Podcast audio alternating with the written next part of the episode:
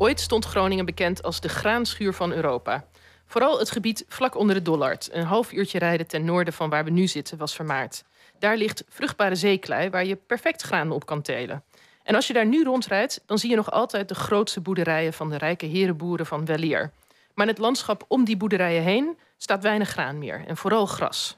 Ja, een soort industrieel-agrarisch landschap noemt Gert Noordhoff het. En Gert is een nazaat van zo'n herenboer van vroeger. En een paar jaar terug besloot hij dat hij de Graanrepubliek opnieuw in ere wilde herstellen. En dat wil hij samen met andere boeren, werkt hij aan ja, het, het, het, het weer creëren van oud, oude soorten graan, zoals nooit van gehoord mijnerzijds, emmer en eenkoren. En dat is hij aan het maken. En daar wordt brood van gemaakt, bier en jenever. Heel geheel in de geest van deze streek. Um, Zo'n broodje ligt hier voor ons. Daar gaan we straks op teken van Geert van proeven. Um, en Gert op proeven. Maar eerst maar eventjes uh, de pijnlijke kant van het verhaal. Um, Jij groeide op op zo'n oude herenboerderij, vermoed ik, of niet? Nou ja, wij wonen zelf op een ruilverkavelingsboerderij. Dat wil zeggen eigenlijk een boerderij die in de jaren uh, 60 gebouwd is. Uh, van oorsprong, uh, het landschap werd eigenlijk gekenmerkt door opstrekkende heren. Dat waren eigenlijk boerderijen die steeds langer werden naarmate er meer ingepolderd werd. In de jaren 60, 70 zijn er heel veel van die boerderijen zijn juist weer uh, rationeel verkaveld. Dus van zo'n boerderij kom ik. Ja, je Sikkelmansel boerderij kwam je eigenlijk vandaan. Bewijs uh, ja, ja. Dat heeft er wel invloed op gehad, inderdaad. Goed, maar je komt van een geslacht van oude herenboeren. Is dat nou een geschiedenis, een, een, afkomst waar je alleen maar trots op bent? Of, of geeft het ook een zeker ongemak af en toe? Nou, kijk, weet je, sowieso is het natuurlijk geschiedenis uh, die, die afhangt van welk perspectief je het bekijkt. Hè? Ik bedoel, als je, dat, uh, dat, uh, als je van een arbeidersafkomst bent, dan bekijk je dat anders dan dat je van een boerenafkomst bent. maar je vraagt van, van hoe, hoe ik daar naar kijk. Kijk, dit is natuurlijk een hele diverse geschiedenis geweest. Um, en, ehm, Kijk, er zitten positieve kanten en negatieve kanten aan. Je moet eigenlijk zien dat een, de, de ontwikkeling van herenboeren was eigenlijk een soort 19e eeuws um, verschijnsel. Um, dat had vooral ook te maken met uh, ja, de, de, de ontwikkeling in de landbouw op dat moment, waardoor je grotere bedrijven kreeg, waardoor je dus ook meer personeel nodig had. Uh, waardoor een, een boer uh, veranderde van iemand die zelf het werk deed naar die, die zelf het werk aanstuurde. Ja, maar de vraag was eigenlijk, want je geeft nu een fijn evenwichtig antwoord, ja. maar was je een beetje trots op je vader? Nee. Of, of, of, of had je, heb je wel eens verhalen over hem gehoord dat hij een beetje hard was voor zijn werknemers? Of, of kon je trots op hem? Hoe was dat? Nou ja, de, Enig idee? Je zegt de bevader, maar ik waarschijnlijk... Ja, grootvader, de, ja, precies, de, de, de, de voorgeslag, uh, ja. met name mijn, mijn overgrootouders, met overgrootouders. Daar zit wel een kant aan, juist ook van trots. Want uh, als ik uh, kijk van, dat we iemand bijvoorbeeld in de jaren negentig nog eens getroffen... die had nog bij mijn overgrootvader gewerkt. En uh, die vertelde eigenlijk van uh, hoe, hoe dat toen destijds ging. Want ja, uh, mijn overgrootvader was iemand waar, waar mensen wel hard werkten, maar betaal, hij betaalde dus ook meer. Dus weet je, dat was eigenlijk een plek waar je graag wilde zijn en die ook redelijk en, en, en, goed was. Dus wat dat betreft, er zit ook een kant aan waar, waar ik dus ook trots goed, op ben. Je mag blijven. nou ja, we zeggen het ook eventjes, we dringen zo aan... omdat uh, als je hier in Groningen komt... dan gaat het heel vaak over die kloof... Hè, tussen de, de, ja. de, de, rijke herenboeren en de arme, de arme landarbeiders. Dus daarom dat we er toch eventjes uh, op moeten aandringen... zeker op een plek als dit.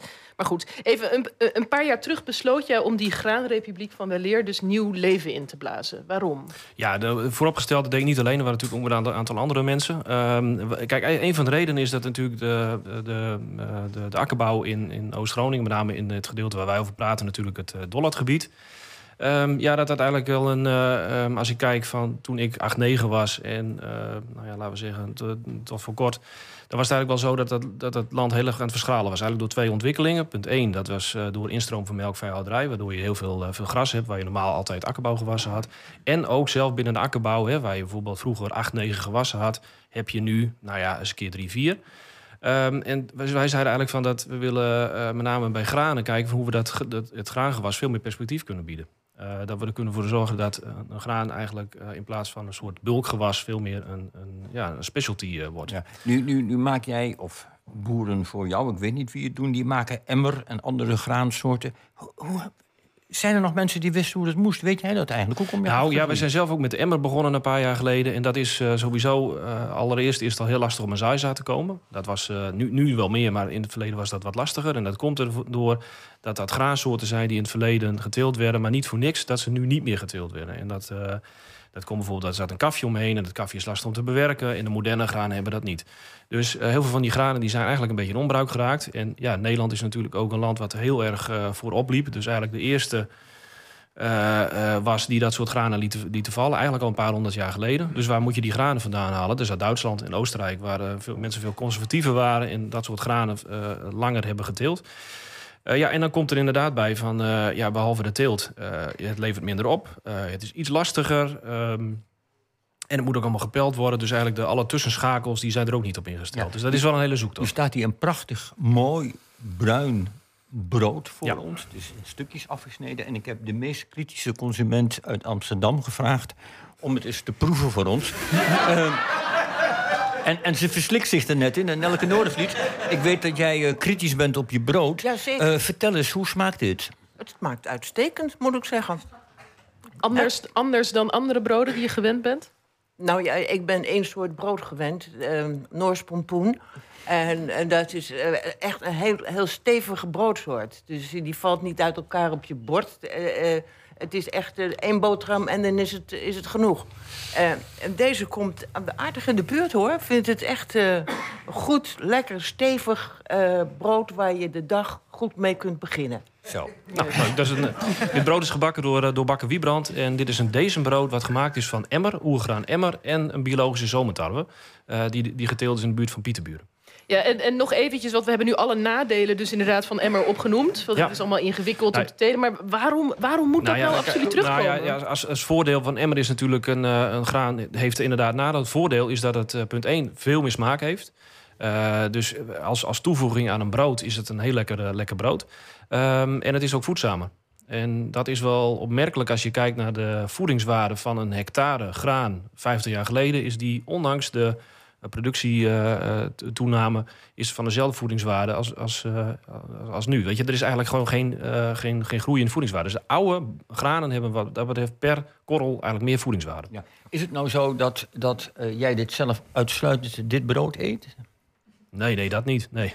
nee. De bakker om de hoek moet ook leven. Ja, nou kijk, weet je, wij eten zelf gewoon thuis wat, wat, wat meer verschillende broden. Maar dit is een brood wat je af en toe eens inderdaad uh, bakt. Maar er zijn ook mensen die, die, uh, die dit wel uh, heel veel eten. En, ja. en, en, en komen de mensen dan naar jou toe uit het hele land om dit brood?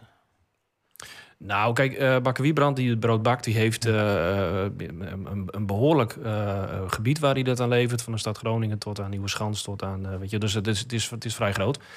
Um, ja, kijk, en dit is een van de producten die we natuurlijk als Graanrepubliek uh, maken. Maar aan de andere kant, eh, er zijn natuurlijk ook, ook verschillende andere producten, zoals jenever, whisky en dat soort, uh, dat soort destillaten. Ook op vlak van, uh, van bier. En wat we proberen is, behalve dat we letten op graan, natuurlijk ook dat we kijken naar de andere gewassen. Want om een goed graan te telen moet je niet mono achter elkaar graan telen. Dan moet je dus ook al andere gewassen telen. Vroeger was het heel normaal, hè, wat ik al zei. Uh, vroeger was het normaal om, om, behoorlijk uh, 7, 8 en zelfs mijn opa heb keer geteld. Die had op een bepaald moment 14 gewassen. Ja, die was misschien ook een beetje gek, dat zal ook wel. Maar het was behoorlijk, behoorlijk veel. En wij proberen juist die gewassen ook weer terug te brengen in het landschap. en dan praat je van kawaii tot, tot, tot andere gewassen. En het leuke is dat die juist ook tegenwoordig steeds meer in de aandacht staan van consumenten. En dat je die ook heel goed kunt gebruiken voor, nou ja, ik noem maar wat, in de destillaten of, of op een andere manier.